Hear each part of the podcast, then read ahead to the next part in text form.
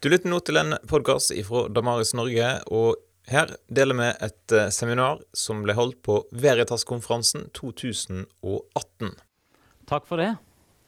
Ivar heter jeg da. Jeg arbeider på Fjellhaug internasjonal høgskole. Underviste Nytestamentet. Og så var det vel noen som i den sammenheng tenkte at dette kunne være et tema som jeg kunne ta litt tak i. Eh, eh, Førsteamanuensis der.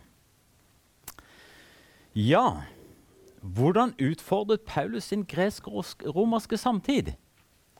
Eh, utfordret han?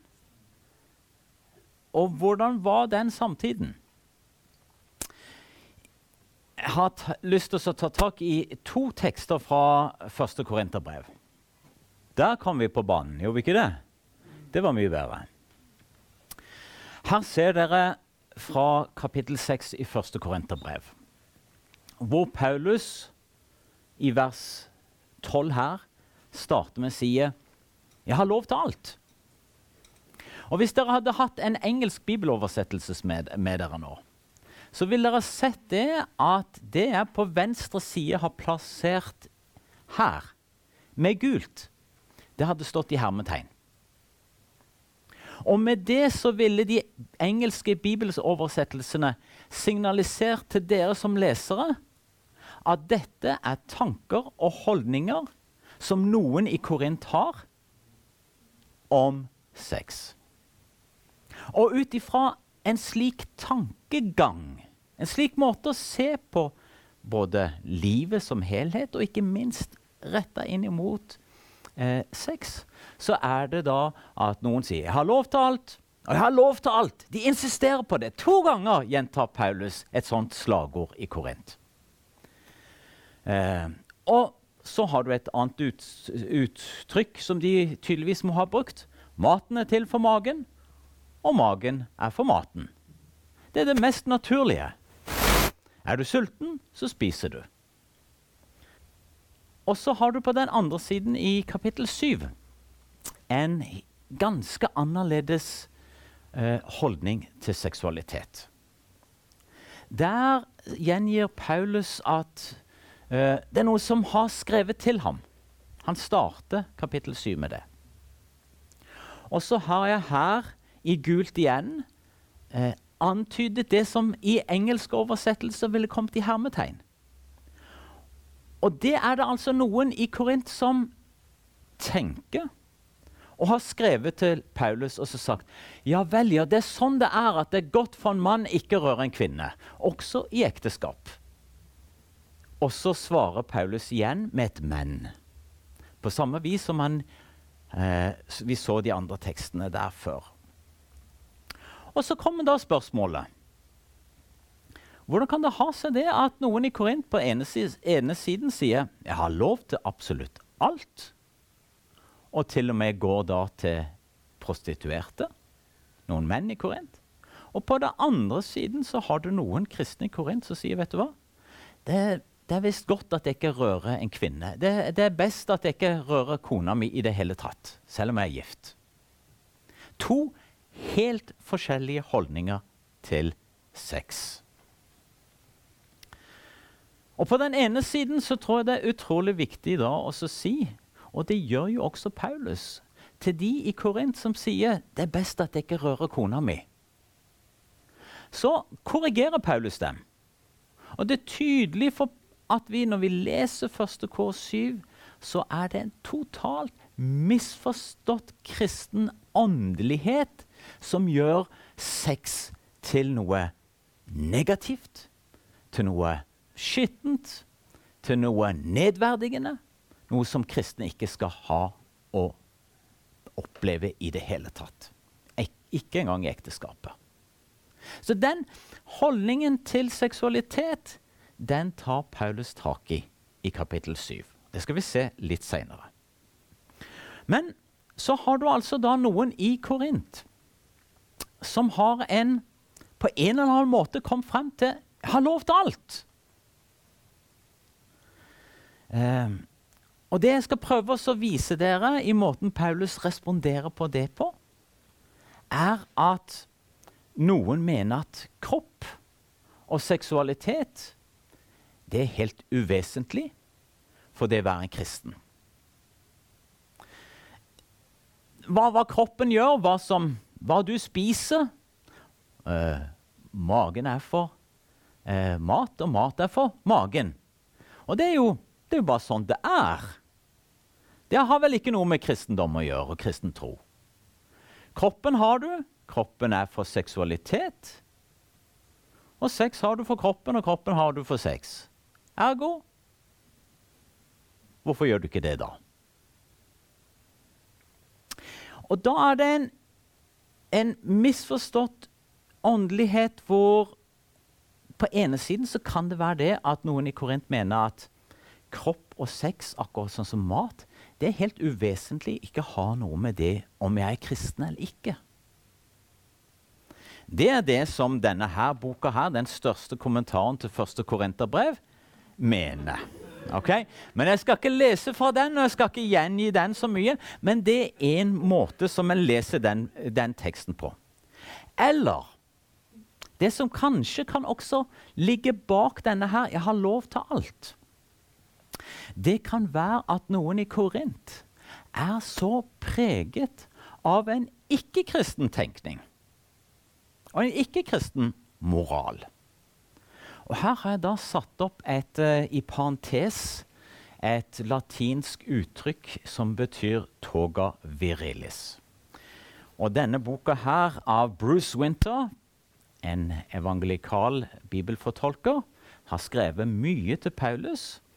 Han spør om en del i Korint har med seg en kulturell bakgrunn og her ser dere undertittelen 'The influence of secular ethics and social change'.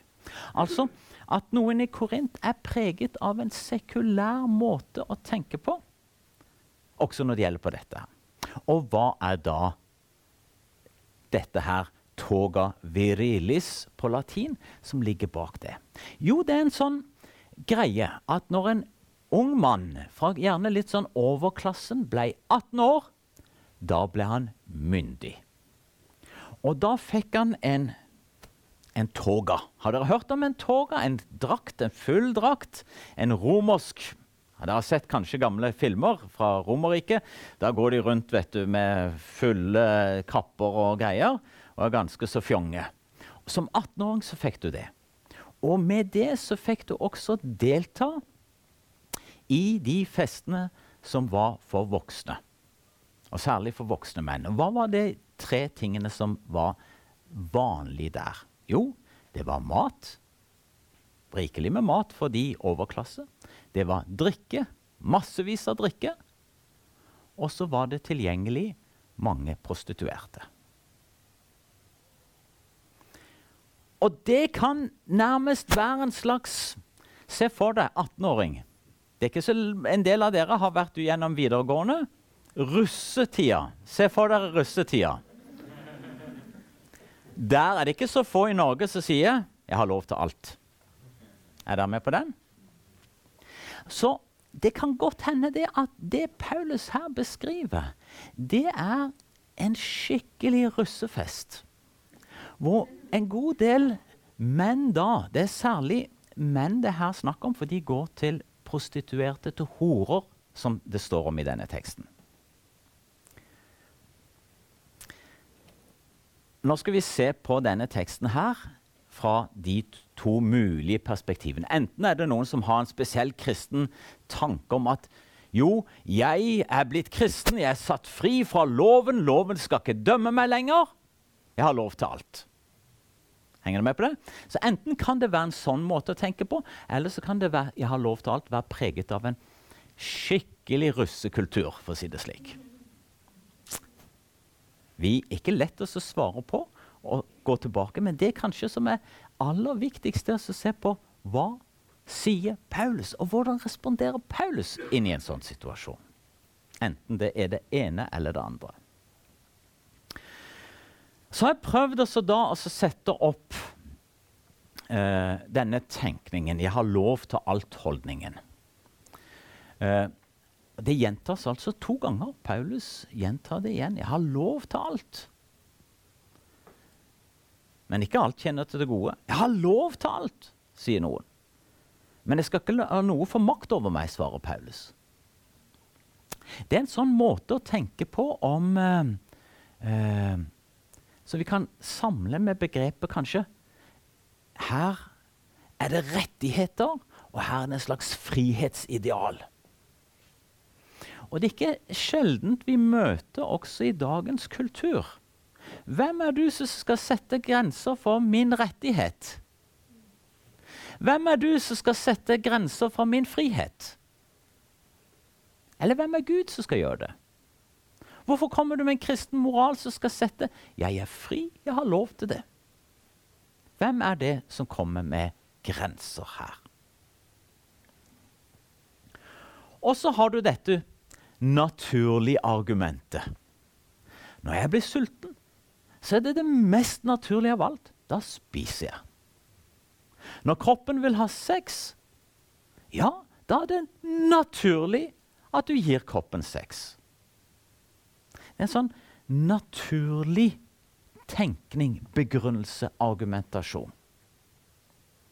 Jeg husker tilbake til min ungdom. Da var det, jeg husker veldig godt ei, ei venninne jeg hadde. Hun sa ga rett ut uten å blunke. Vet du hva? Kroppen har bruk for det. Kroppen trenger det. Og det er en veldig vanlig måte å tenke på som, som jeg tror denne teksten fanger inn både på Paulus sin tid og i dag. Og så går da eh, korintere, kristne korintere, går da og har sex utenfor ekteskapet, og også med prostituerte. Så kommer det også et moment til.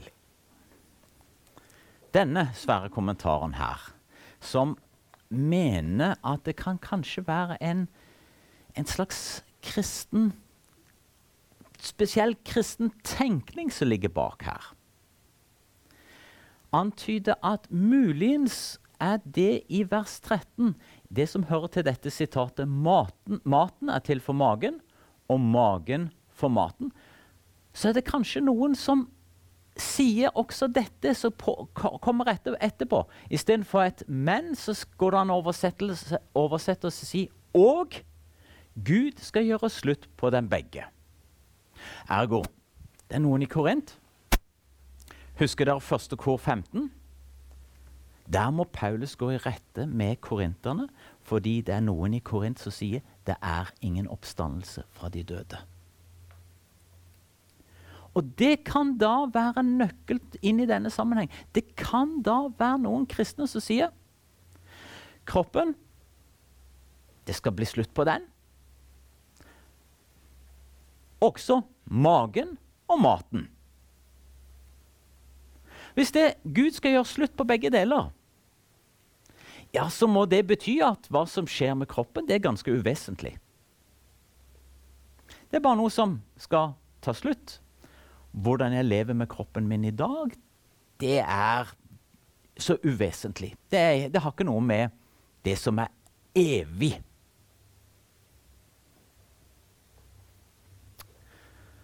Eh, den oversettelsen, å ta det verset inn som et sitat av noen i Korint, er da en, et spørsmål som fortolkerne spør seg om. Er det slik det skal forstås, eller ikke?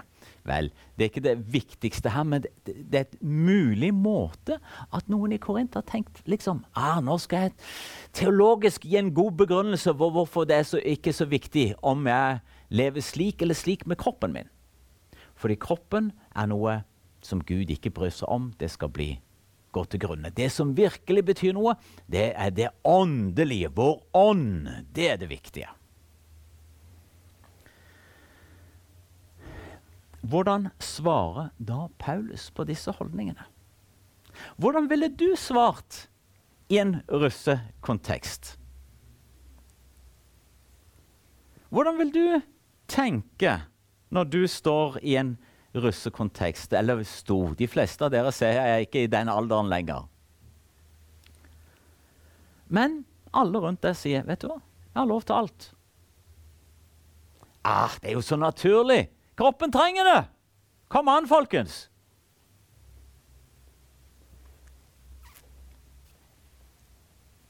Vel, jeg starter nederst her nå, hvis vi tar med dette punktet. Hvis det er noen, hvis det skulle være noen i Korint som sier, vet du hva Gud skal gjøre slutt på både kropp og mat og det meste. Alle de tingene som har med kroppen å gjøre, det er egentlig uvesentlig. Det som er viktig, det er ånden vår. Da ser vi det at i vers 14, rett etterpå, så sier Paulus Gud reiste opp Herren, og ved sin kraft skal han også reise oss opp. Og da går det an å forstå det som at Paulus vil si. Hey, vent nå litt, hold an. Kroppen din er ikke uvesentlig for Gud.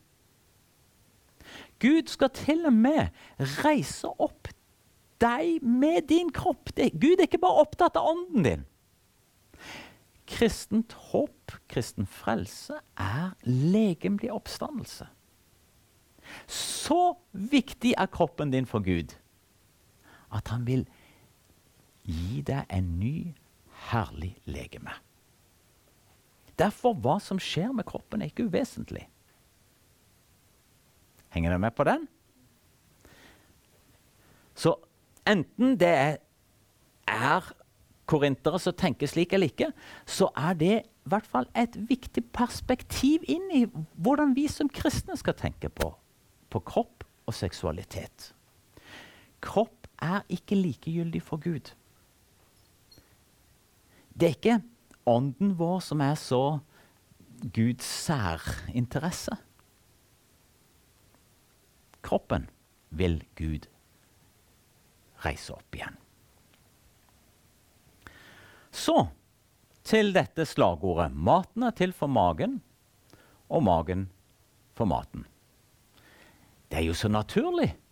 Hvorfor skal du nekte kroppen mat? Hvorfor skal du nekte kroppen sex? Da starter Paulus. Merk dere det. Vet dere ikke, sier han. Altså, her vil Paulus begynne å hjelpe korintiske kristne til å tenke kristelig. Vet dere ikke? Det er ikke uvesentlig hvordan vi tenker. Det er ikke sånn at Paulus bare kommer her og sier 'Sånn er det'.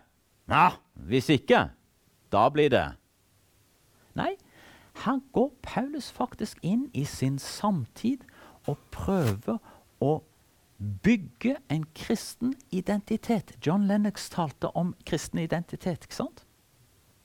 Her går Paulus inn og prøver å bygge en kristen identitet om hvordan vi skal tenke og vite. Og hvordan det skal være med å forme og prege våre liv. Vet dere ikke, sier Paulus da, at kroppen deres er Kristi lemmer? Vi er Kristi kirke på jord. Hver og en som hører Kristus til, er hans lem. Og det er helt klart da, i denne teksten her, så mener Paulus hele deg. Med kroppen din er Kristi lem. Og hvis du hører Kristus til, med hele deg, så betyr det noe for hvordan du lever med din kropp også.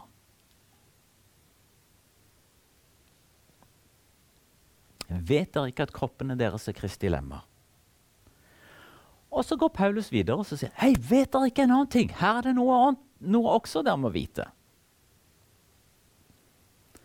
At når noen holder seg til en hore, blir de én kropp. For det står de to skal være én kropp. Og så siterer da Paulus skapelsesberetningen.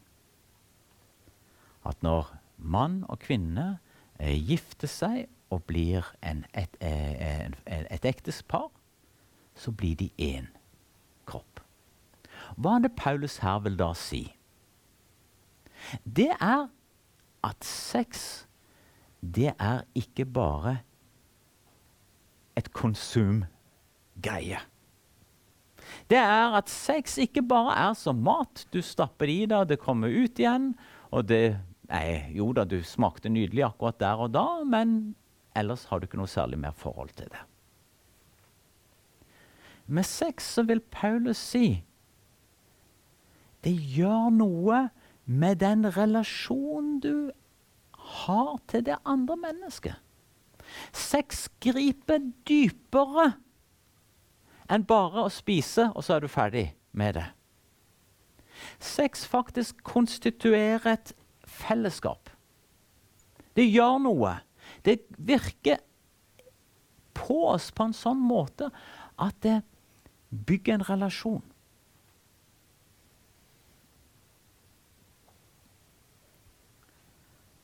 Sex er ikke bare forbruksvare. Og så kommer det tredje vet dere ikke.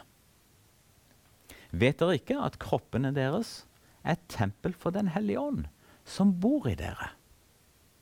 Dere er kjøpt, sier Paulus rett etterpå. Prisen er betalt.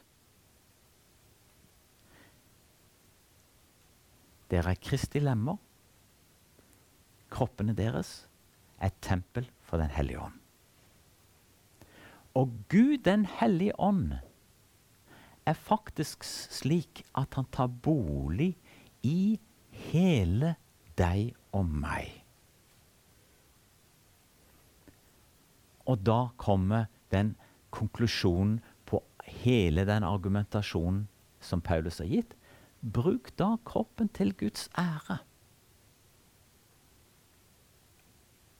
Det handler om å forstå og tenke som en kristen person. Jeg er blitt brakt inn i livsfellesskap med Kristus, og hvis Kristus er min Herre, så betyr det noe for meg hvordan jeg lever med min kropp. Hvis Den hellige ånd har tatt bolig i meg, så betyr det noe hvordan jeg bruker min kropp. Og Det jeg har lyst til da å si, er at det Paulus her, måten han argumenterer på og taler her, det er jo på en, må, på en måte så er ikke det en slags etikk som går liksom alle og enhver vil kjøpe.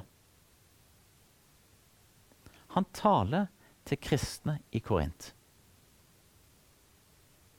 Det er ikke en allmenn etikk som du kan gjøre politikk ut av og lage norske lover ut av. Men det er en argumentasjon som går på å bygge en kristen identitet. Han taler til de i Korint som er kristne, og som mener 'jeg har lov til alt'. Han taler til de som sier 'magen er for mat, og mat er for magen', og er kristne, og tenker at 'so what'? Um, så det er en helt spesifikk tale til mennesker som vil si at Jesus er Herren i mitt liv. Jeg er et lem på Kristi kropp. Den hellige ånd har tatt bolig i meg. Da får det konsekvenser for måten du lever på. Og da er det ikke sikkert at alle i russegruppa vil si OK, dette kjøper jeg. Og du må kanskje si nei, jeg aksepterer at dette kjøper du ikke. Men for meg er Jesus Herre i mitt liv. Den hellige ånd er styrende i mitt liv. Og jeg vil derfor ikke være med på at alt er lov for meg, i hvert fall, som kristen. Og jeg er villig til å leve annerledes. Og det er den annerledesheten her som helt klart det må ha vært krevende for de i Korint. For menigheten i Korint var kanskje 50-60 personer på den tid. når Paulus skrev dette brevet. Og hele kulturen tenkte annerledes om dette spørsmålet, bortsett fra jødene i Korint, som det var flere av.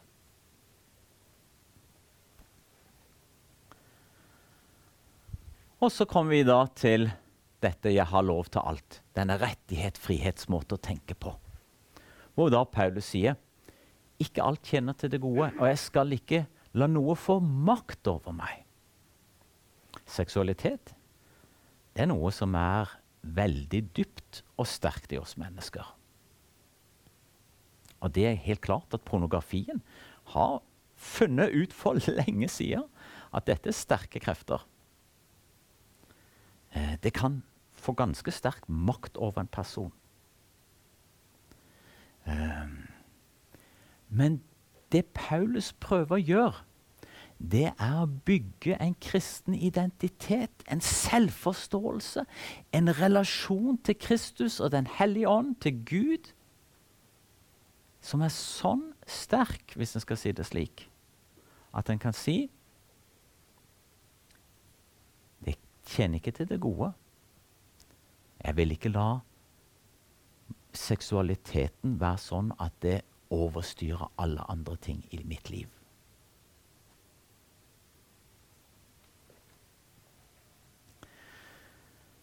Det er godt å ikke røre holdningen.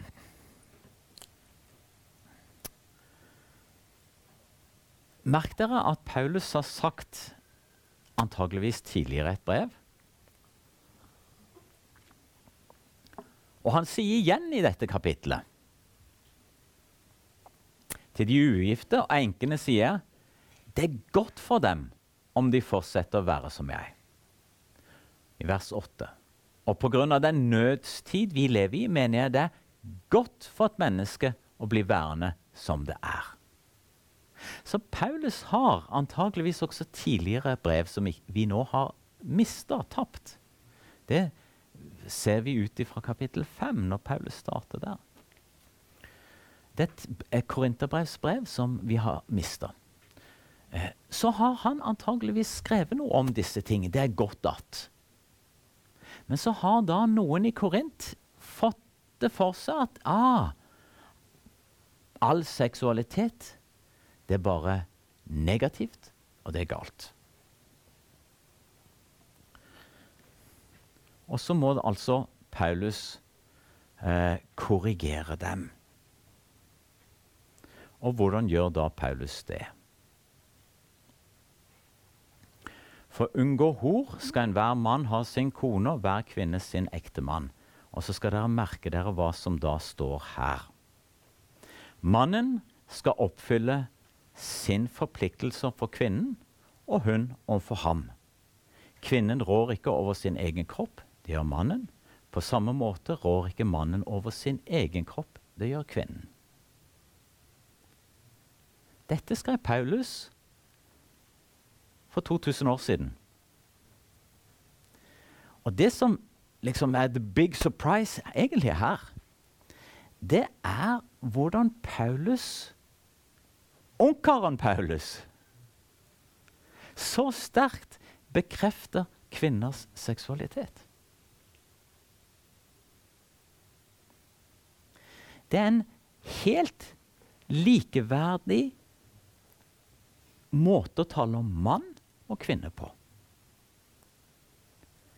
Og det er en bekreftelse av at mannen skal oppfylle sine forpliktelser overfor kvinnen. Som kristen mann. En kvinne er ikke nødvendigvis helt identisk i måten en tenner på, og måten en eh, treng, som en, en, skal oppfylle forpliktelsen på, sånn som en mann opplever til seksualitet.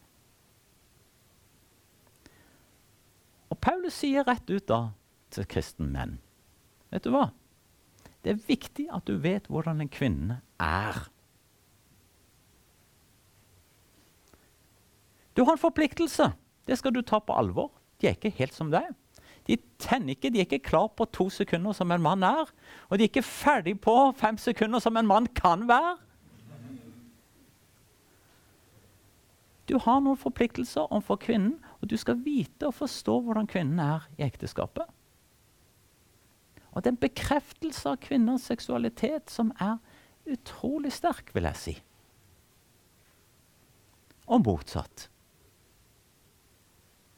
Det er utrolig interessant og spennende å se hvor radikal Paulus må ha vært i sin samtid i det han sier her. Så selv om Paulus skal ha sagt det godt at om dere er som meg som ungkar, og tenke at jo, det kan være grunner til at det skal kunne være godt for kristne å ikke gifte seg osv., så, videre. så han utrolig radikal i det han sier her. Og Det er en utrolig sterk positiv bekreftelse av seksualiteten i ekteskapet. Og kvinners seksualitet, ikke minst. For det er ikke lang tid tilbake i det norske samfunnet, eller i mange andre samfunn, hvor kvinners seksualitet er nesten noe som ikke det ble talt om. I det kapitlet der så taler Paulus og sier Jeg har ikke noe påbud fra Herren, men jeg sier min mening. Altså, det er tydelig at han her liksom er litt mer sånn det, Jeg vil ikke være så på, pålegge dere så sterkt. Nå, nå, er det litt mer sånn private opinion-opplegg. Jeg er ungkar, nå vil jeg si noe til dere. Henger dere med på det? Um, og da er det at Paulus i det avsnittet der om ekteskap og, og, og, og leve singel og, og sølibat, som han er opptatt av, så sier han jeg vil at dere skal slippe bekymringer. Eh, den ugifte er opptatt av det som hører Herren til, hvordan kan være til glede for Herren. Men den som er gift, er opptatt av det som hører Herren til, verden til, Hvordan kan glede sin kone. Og så blir sinnet delt, sier Paulus. Ugifte kvinner og unge jenter er opptatt av det som hører Herren til. Så kan de være hellige både på kropp og sjel. Men den gifte kvinnen er opptatt av det som hører verden til, hvordan hun kan glede sin mann. Jeg sier dette til deres eget beste, ikke for å legge bånd på dere, men for at dere skal leve sømmelig og holde dere trofast og helhjertet til Herren.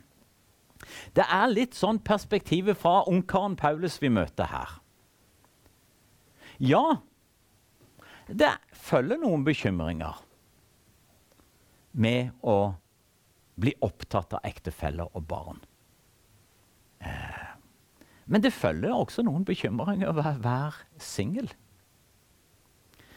Uh, og så er det viktig å kunne si ja da, jeg hører hva du sier, Paulus. Men det er jammen også gleder og velsignelser knytta til ekteskap og familie. Og det er også Guds skapervilje. Og I reformasjonen på de, den tid og etterpå så tok en jo et kraftig oppgjør med den katolske måte å tenke på, hvor eh, eh, prester på ingen måte skulle være gift, fordi det ville dele sinnet så voldsomt. I den teksten rett før her så taler Paulus om at, at han, noen har nådegave til det ene, til å være single og ugifte, og noen har nådegave til det. Og jeg vil si, ja, det, sikk det har vel sikkert vært sånn at Paulus har kjent på en særlig nådegave til å være udelt opptatt av Herren, og dermed anbefale det eh, til andre i Korint. Det er bekymringer som følger med. Det er også eh, Vi lever i en tid hvor det liksom er ting, vil Paulus si. Eh, men det, i dette her så tror jeg det er også viktig å kunne si Men ikke alle ugifte og unge mennesker, som Paulus taler om her. Den ugifte, den unge jenta er opptatt av det som hører, hører Herren til. Ja, jo jo. Jeg tror nok det. Men er det bare det unge jenter er opptatt av? Uh, Kanskje var det litt sånn ungkaren Paulus som leste seg selv inn i, i alle unge jenter som hadde, han hadde nådegave til det. Um, og liksom uh, sier litt sin mening her. Og det som vi i hvert fall ser i, i katolske kretser nå, med så mye eh, misbruk som har vist seg, så er det noe med det å påstå at alle prester skal og må være sølibater, og at de har fått en nådegave. Det er tydeligvis ikke alle som har fått en sånn nådegave. Eh, og det er litt viktig eh, å si noe om at For meg å si noe om at ja, Paulus her taler i sin kontekst og ut ifra litt sin mening. Eh, og Det er ikke noe påbud fra Herren, men han sier sin mening. Men det som er litt viktig for Paulus, som han avslutter med her, enten det er slik eller slik dere lever Så det å leve sømmelig og holde seg trofast og helhjertet til Herren, det er et anliggende som gjelder alle mennesker. Hvordan kan jeg, med mitt liv, eh, leve til Guds ære og leve trofast og helhjertet. Og det går det an å gjøre i ulike livssituasjoner. Eh, og det er litt viktig for meg å si. Fordi når Paulus nettopp taler om seksualitet på en så positiv, bekreftende måte i begynnelsen av kapittel 7, så er det litt viktig og så si det ganske så tydelig at seksualitet er noe positivt og flott. Som er en gave. Paulus' sin radikalitet Jeg begynner å nærme meg oppsummeringen her nå.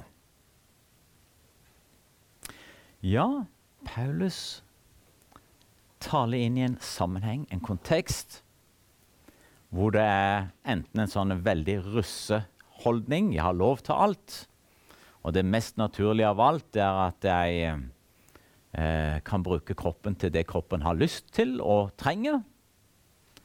Og hvor Paulus da bygger en kristen identitet. Og han vil møte de i Korint som tenker og argumenterer, kanskje på den måten som var veldig gjengs i samfunnet ellers. Så vil han si, vet du hva? Hva betyr det at du er kristen? Gud skal reise opp kroppen din. Gud er opptatt av kroppen din, faktisk. Så opptatt at frelsen handler om en oppstandelse med legemlig kropp. Vet du ikke at deres lem, kroppene deres er Kristi lemmer? Og også et tempel for Den hellige ånd. Og som kristen Når du det får bygge måten jeg tenker på meg på som, som, som kristen, så betyr det noe på en sånn måte at du kan fra hodet eh, prege også livet og kroppen. Og Derfor er det ikke uvesentlig hvordan vi som kristne tenker. Dette er en av de tekstene som så tydelig viser det. Hvordan vi tenker som kristen, er helt avgjørende for hvordan vi lever som kristne.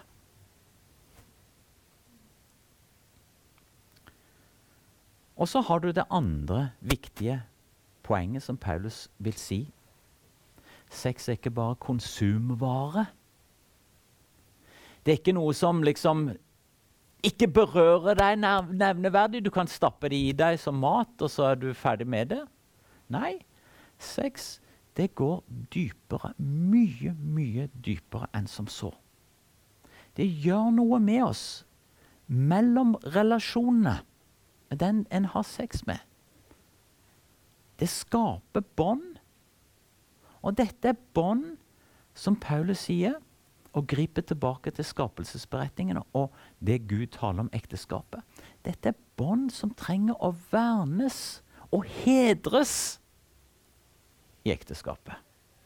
For dette er så viktige relasjoner at ha en sex med andre, så ødelegger det noe skulle jeg gå hen og ha sex med noen andre enn kona mi, så hadde det gjort noe grunnleggende dypt med min relasjon til min kone.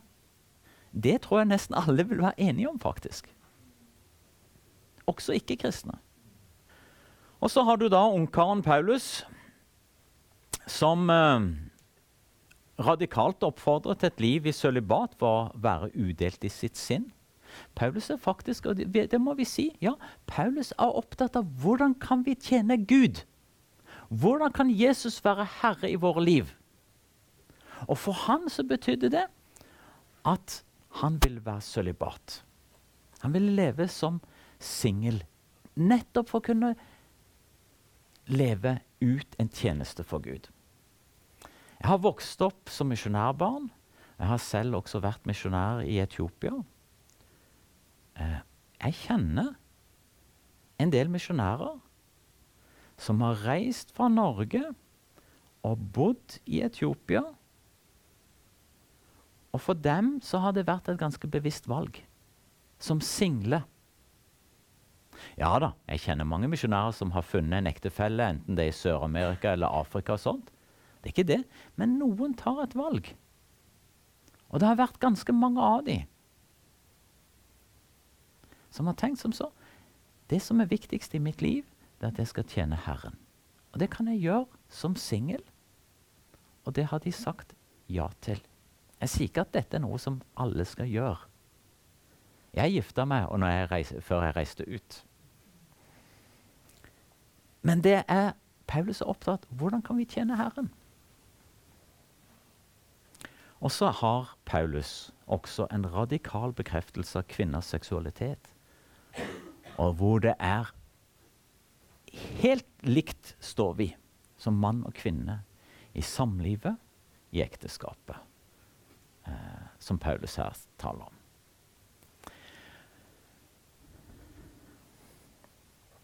Lev sømmelig og til ære for Gud. Hvordan kan vi leve til Guds ære? Hvordan kan vi tjene? Hvordan kan vi ha Jesus som Herre? Hvordan kan Den hellige ånd være en nærværende kraft i våre liv? Hvordan kan vi leve som kristne? Det er ut fra de perspektivene at Paulus også taler og tar opp spørsmålet om seksualitet. Greit. Da har ikke jeg mer jeg skal si. Og da vil jeg åpne opp for hvis noen av dere har noen spørsmål. Ja? I tegner en den første stein, mm. som ikke står i den norske bibelen, ja. er det noe spesielt grunn til at det ikke står i den norske, men at det står i den engelske? Vi har jo Det første oversettelsen fra, til norsk var jo via den engelske. Mm. Eh, norske bibeloversettelser de oversettes fra en gresk tekst. Jeg lærer Nytestamentet, også lærer i gresk på Fjellhaug, på høyskolen der. Og i gresk tekst så vil du ikke ha noen anførselstegn. Du vil ikke ha punktum, du vil ikke ha komma, du vil ikke ha spørsmålstegn. Eh, og Derfor så er det ikke sånn helt gitt enkelt at OK eh, Det er et sitat eller sånt. Men det er noe med den måten Paulus hele argumentasjonen foregår på. Eh, og som eh, også kommer til uttrykk også til en viss grad på norsk. Jeg har lovtalt, og så sier Paulus Men ikke alt kjenner til det gode. Jeg har lovtalt, men Ser dere det? Han kontrer med et men. Eh, men det er helt klart at i en rekke engelske oversettelser så har de overfor leseren ønsker å tydeliggjøre. Og Det forekommer både her i kapittel 6 og andre steder i 1. Korinterbrev. Eh, for det har vært mye kommunikasjon fram og tilbake mellom Paulus korinterne. Eh, og for alle lesere så er det ikke like lett å se hva korinterne eller noen i Korint har tenkt eller ment. Så det, Derfor er det lurt å ha litt flere bibeloversettelser. Å kunne se og sammenligne. Og så er det noe med også at forskerne er ikke helt eh, eh, Akkurat det der. Er det noen i Korint som sier at Gud skal gjøre slutt på, på dem begge? er jo redde for at det er en mulighet, og at det kan forstås, og hvor Paulus da responderer på det. Men der er det noen forskere, fordi det ikke er noen helt klare signaler i teksten, så vil de aller fleste si at dette er noe som korinterne sier. Og så er det en diskusjon blant teologene, for, forskerne. Er dette også noe korinterne skulle ha sagt? Eller er det noe Paulus skal ha sagt? Og Derfor har jeg satt i en klamme der. Så, så, det er noen ting som ikke er helt, helt opplagt alltid. Men noen ting er tydeligere enn andre ting. Var det svar? Ja. Andre spørsmål?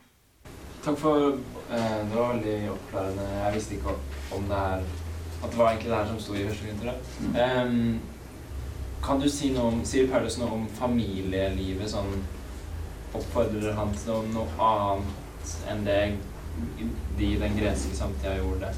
Oppfordrer han kristne til å leve på en annen måte mer med, liksom, Sier han om det, egentlig? Det har jeg tenkt på siden mm. Mm. Ja. Det er en rekke andre tekster som taler om, uh, um, uh, forhold mellom mann og kone, forhold mellom foreldre og barn osv. Uh, eh, noen er Paulus-tekster, noen er andre tekster fra brever i, i 1. Peters brev osv.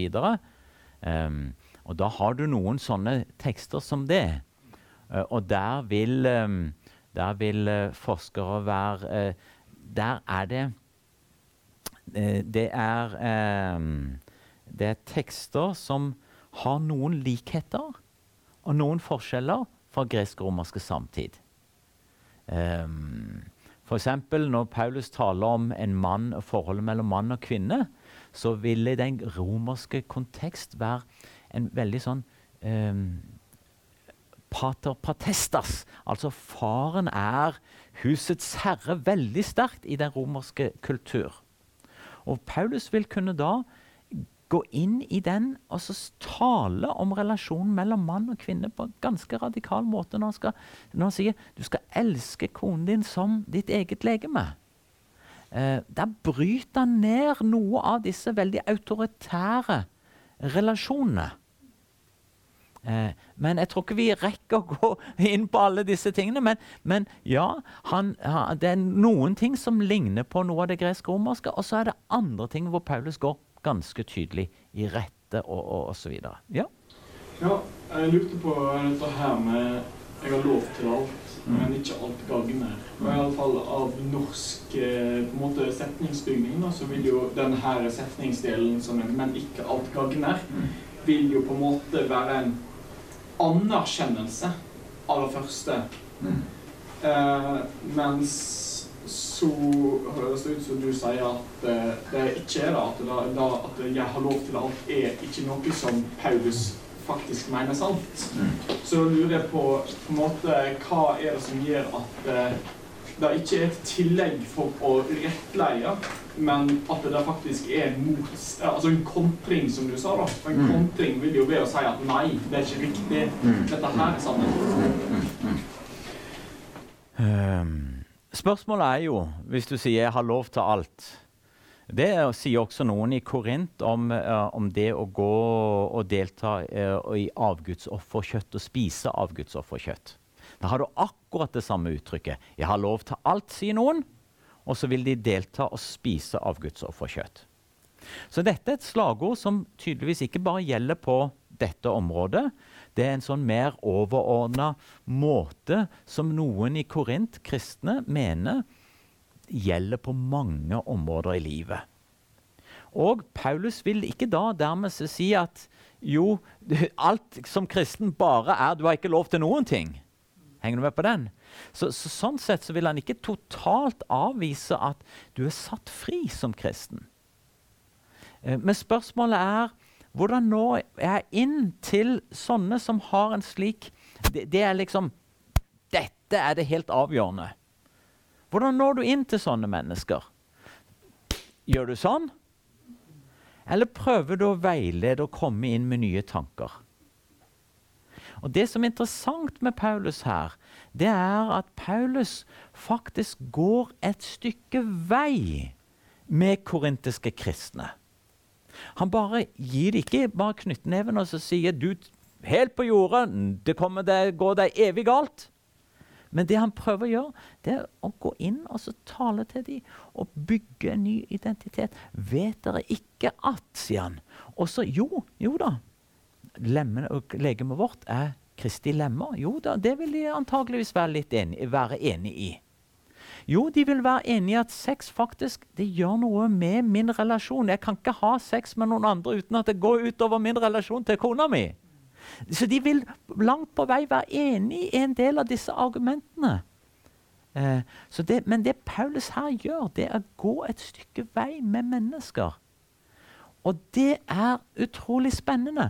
For jeg tror jo at vi i vårt norske samfunn langt på vei er i en situasjon sånn som Paulus, hvor noen er kristne og vil leve annerledes, men så enten prøver de å argumentere som kristne annerledes, eller så de preger så mye av kulturen rundt at Paulus må gå et stykke vei. Og jeg tror at vi i en norsk sammenheng i dag, så må vi gå et stykke vei med mange, både unge og nye kristne. Og, og, og bygge en ny måte å se og tenke på. Yes. Ja, jeg bare si meg enig med han at man har lov til alt, men ikke alt. Det er sånn å si at du kan, du kan jo røyke hvis du vil. Mm. Det øker jo sannsynligheten for at du dør kreft. Så yeah. hvis du vil det, så yeah. gjør man det. Er synd, men, altså på en måte livet din. Mm. Um, så jeg tenker at det er en kjempefin måte å snakke til, til folk på, fordi at de sjøl bare skjønner at dette her er faktisk ikke bra for meg. Mm. Um, så jeg tenker at du har lov til er ikke noe lurt. Og samtidig, i det Paulus faktisk sier, med å si OK eh, Hvis du er med på at lemmene mine er Kristi lemmer, legemet mitt er Kristi kropp Den hellige ånd har tatt bolig i meg. Så vil du hvis, du hvis, du aksepterer det, så legger Paulus på en måte premissene for at ja, da kan du ikke gå og, til horer, sånn som noen tydeligvis gjør. Så, så, så liksom det er en prosess hvor han skal få de til liksom Jo da. Hvis, hvis, de, er, hvis de, tar disse poengene, så, så, betyr det et nytt, annerledes liv. Mm. Det var her. Det er spørsmålet Du tar de samme tingene, men i forhold til mann, mann, kvinne, kvinne, homofil mm. forhold. Kan du trekke samme paralleller der? Der eh, taler Paulus i Romerne 1 og andre tekster eh, Hele den argumentasjonen der den er ganske eh, annerledes. Den, den, er noe annerledes, uh, men, men der, der, går Paulus til I hvert fall noen av tekstene. Så sier han det er veldig galt. Eller liksom veldig tydelig. Og det gjør han jo om sex i andre tekster også. Uh, altså går du til uh, også heterofi liksom heterofile, så vil han i en del andre tekster også være veldig tydelig på at dette er galt hvis du er ut forbi ekteskapet. Så nå har jeg tatt en tekst som uh, ble utfordra på første kurs 6 og 7 og sånt nå, og gått igjennom hvordan Paulus tar tak i det her. men jeg tror at en del av de poengene som Paulus gjør her, er anvendbare i også mer enn bare noen menn som går til horer i, i Korint, altså. Mm. Ja. En av de store utfordringene med kristen tro i dag er at kjønn er noe helt eller delvis kulturelt konstruert. Kjenner du til om det var noe utfordring for Paulus i møte med den greske kulturen? den måten å tenke på med at uh, kjønn konstrueres, tror jeg ikke vi har helt uh, samme måte å tenke på i antikken. Men um, Reidar Valvik, som er professor på Menighetsfakultetet, han har bl.a. skrevet en artikkel som viser at en også i antikken uh, hadde en oppfatning, og det var kjent at noen kunne ha en homofil seksuell orientering og bare ha det helt fra de var unge av.